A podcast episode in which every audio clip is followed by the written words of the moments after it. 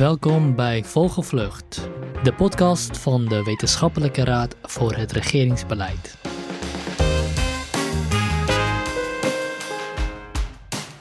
Vandaag hebben we een speciale gast, nieuw raadslid Paul het Hart, die sinds januari van dit jaar verbonden is aan de WRR. Hij is ook hoogleraar bestuurskunde aan de Universiteit Utrecht en is expert in crisis, crisismanagement, openbare orde en veiligheid en nog meer onderwerpen. In deze aflevering praten we met hem over zijn achtergrond, waar komt hij vandaan, wanneer wakkerde zijn interesse voor zijn onderzoeksgebied aan, wat heeft hij gestudeerd, wat was zijn carrière voor de WRR en zijn werkzaamheden bij de WRR. Nou Paul, welkom bij de podcast. Merci.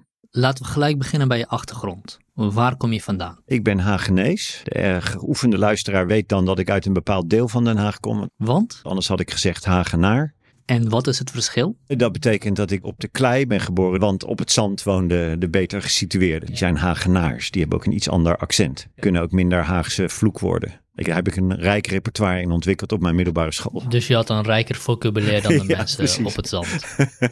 en als we dan overgaan naar het gezin waar je uitkomt. Uit wat voor gezin kom je dan? Ik kom uit een eh, gezin van een pianist en later een boekverkoopster. Niemand naar de universiteit geweest, maar ik groeide op tussen echt enorme hoeveelheden boeken. Mijn vader was politiek geïnteresseerd en geëngageerd. Het uiterste linkerzijde van het spectrum. Het heeft ook in kamp gezeten en zo. Dus de wereldpolitiek, geschiedenis en voor mij later heel belangrijk leiders en leiderschap. Dat kreeg met de paplepel ingegoten. Ik stel me dan voor dat je daar als klein kind tussen al die boeken aan het rondrennen bent. Ging dat ook zo? Je moet je voorstellen, we hadden dus een hele wand vol boeken. En daar stond dan de bank stond daarvoor. En ik stond dan op de bank als vierjarige of vijfjarige of zo. Dan ging ik op basis van hoe aantrekkelijk de covers waren, die boeken uit de kast halen. En zo haalde ik een boek uit de kast. Dat heette De Dood in Texas. was van een Duitse, toen heel beroemde journalist, Hans Habe. Dat bleek te gaan over de moord op Kennedy. En daar stonden allemaal foto's in. Inclusief die korrelige foto's waar je dus het moment van de aanslag ziet. En dat maakte toen al enorme indruk. Dus van jongs af aan was je onder de indruk van zulke sleutelmomenten en crisis. En waarschijnlijk heeft dat ook een rol gespeeld in je keuze om politicologie te gaan studeren in Rotterdam.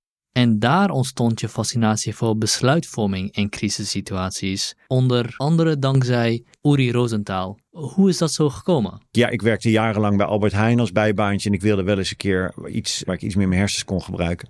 Dus toen reageerde ik op een advertentie in het universiteitsblaadje voor studentassistent. En dat was bij Uri Rosenthal. Die was toen ook een van mijn hoogleraren politicologie. En die was bezig met wat later zijn hoofdwerk werd. Het boek Rampen, Rellen en Gijzelingen, crisisbesluitvorming in Nederland. En dat ging over allemaal cases in de naoorlogsgeschiedenis van Nederland. Waar de zaken ernstig uit de hand waren gelopen. Dus de watersnoodramp van 1953, bezetting van het Maagdenhuis, de Zuid-Molukse gijzelingen. Dat zorgde ervoor dat ik er wel achter kwam dat in crisissituaties wie er toevallig dan aan de tafel zit, wie er premier is, wie de minister van Justitie is, wie er eh, hoge ambtenaar is, heel veel uitmaakt voor hoe op dat moment de beslissingen worden genomen. En dus dat had op mij heel veel invloed. Ik raakte gefascineerd als het ware door de macht die die mensen hadden en hoe ze met die macht omgingen. En het was ook in deze tijd dat je het onderwerp voor je proefschrift vond. Hoe kwam dat tot stand? Ik had een vak internationale betrekkingen en de docent daar, Koen Koch, bekende publicist, die zei: Ik heb hier een paar boeken die moet jij gaan lezen. En een van de boeken was Victims of Groupthink, een boek van een Amerikaanse psycholoog, Irving Janis. En dat ging over fiasco's in het buitenlands beleid van de Verenigde Staten. En hij maakte aannemelijk dat die fiasco's in niet onaanzienlijke mate het gevolg waren van een bepaald soort groepsdynamiek in die hele kleine kring van besluitvormers die dan dat soort beslissingen nam. En daar gebruikte hij het label groupthink voor. Kun je kort toelichten wat dat betekent? Groupthink? Groupthink ging over het fenomeen dat op een gegeven moment het behoud van de consensus of de veronderstelde goede sfeer in de groep belangrijker wordt gevonden dan het echt op basis van argumenten doorploegen van kan dit wel slagen wat wij nu willen? Is dit eigenlijk wel moreel juist wat wij nu willen? En dat werd onderwerp van mijn proefschrift en daarmee kom je dan ook over de dark side van overheidsoptreden te praten. Mooi. Dus daar zien we eigenlijk het ontstaan van je fascinatie voor crisisbesluitvorming en de dark side van die crisisbesluitvorming wanneer het echt misloopt. Uiteindelijk ben je ook op allerlei manieren mensen gaan trainen en adviseren Wanneer begon dat? En met een paar andere jonge honden die ook om Uri heen zaten, hebben wij het crisisonderzoekteam opgericht. Ja, dat is inmiddels een begrip geworden in bestuurlijk Nederland. Als het gaat om trainen, evalueren, ondersteunen van gemeenten, andere overheden. Als het gaat om ontwikkeling van hun crisismanagement, hun crisismanagementcapaciteit of hoe ze feitelijk hebben gedaan. En dat nam zo'n hoge vlucht dat op een gegeven moment dat COT voor de vraag komt te staan: kan je dat eigenlijk nog wel binnen de universiteit allemaal blijven doen? Dat was qua geldstromen en beheersregimes allemaal ingewikkeld. Wat moet ik me daarbij voorstellen? Wat maakte het ingewikkeld? Dus ik vond het zelf ingewikkeld om bijvoorbeeld een evaluatie te gaan doen in opdracht van een gemeente. Als je daarvoor in die gemeente al had geadviseerd, dan zit je toch een deel de impact van je eigen adviezen te evalueren. Daar hadden sommige collega's binnen het COT toch wat minder moeite mee. En dus het is ook tot een soort scheiding der geesten gekomen. Ik heb daar echt voor gekozen samen met een paar collega's om aan de universiteit te blijven. En het COT en een aantal collega's die daarmee verder wilden, is ook om die reden geprivatiseerd. Is gewoon een bedrijf geworden, is later verkocht. Ze is nou bij een grote verzekeraar in de boedel, zou je kunnen zeggen. Dat klinkt als een principiële keuze. Was je ook heel principieel? Ja, nou, de jonge versie van mijzelf was heel principieel, ja, in dat soort dingen. het was wel grappig, omdat diezelfde mentor had dus ook twee gezichten. Die was in zijn eigen jonge jaren wetenschappelijke purist van de eerste orde. En tegelijkertijd was hij geïnteresseerd in invloed en macht. En uiteindelijk heeft het toe ook geleid dat hij de politiek is ingegaan en hè, et cetera. Terwijl mijn rolmodel was toch meer de oude Roosentaal dan de zich ontwikkelende Roosentaal. Ik was toen puristisch zo van, ja, dat kan niet, dat moet je scheiden en zo. Terwijl als ik daar nu naar kijk, zou ik daar met meer mildheid naar kijken. Mooi. Laten we teruggaan naar jouw onderzoeksgebied over crisissituaties.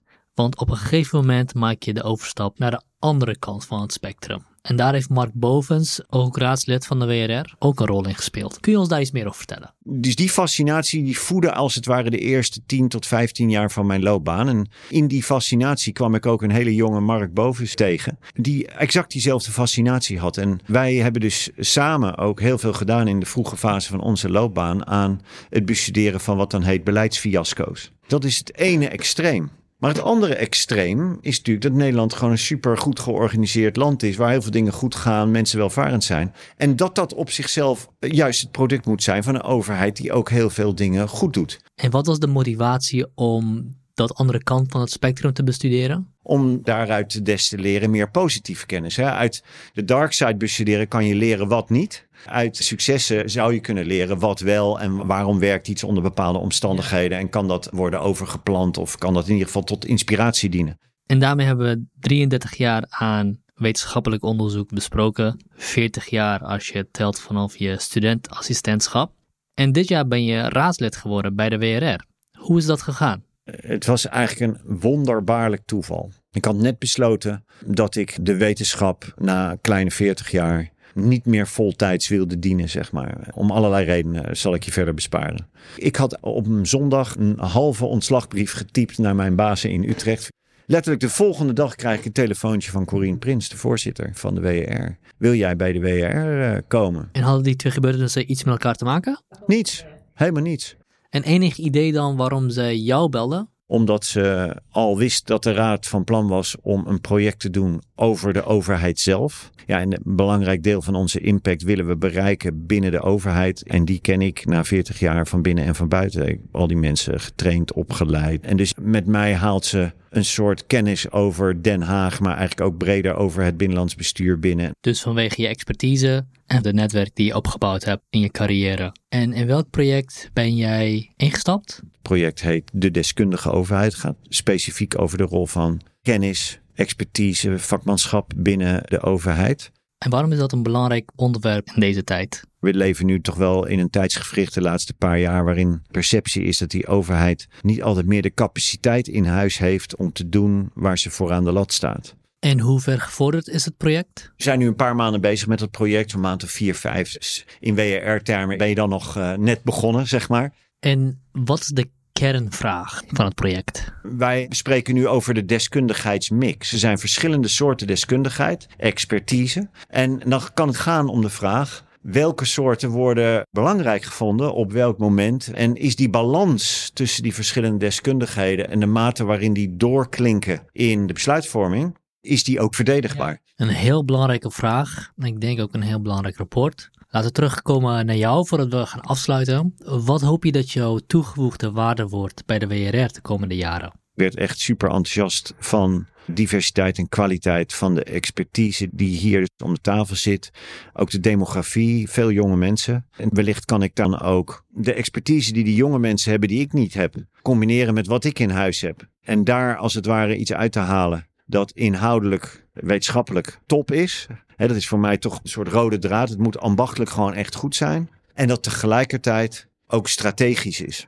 Goed getimed, goed geframed, al in de week gelegd bij de mensen die daar echt toe doen. Als we dat samen met elkaar tot stand kunnen brengen, gaat de boel hier swingen. En dat doet hij gelukkig al, maar daar hoop ik gewoon aan bij te dragen. Nou, na dit gesprek heb ik er geen twijfel over dat dat zeker weten gaat lukken. Ik wens je veel succes bij de WRR en bedankt voor je tijd. Graag gedaan.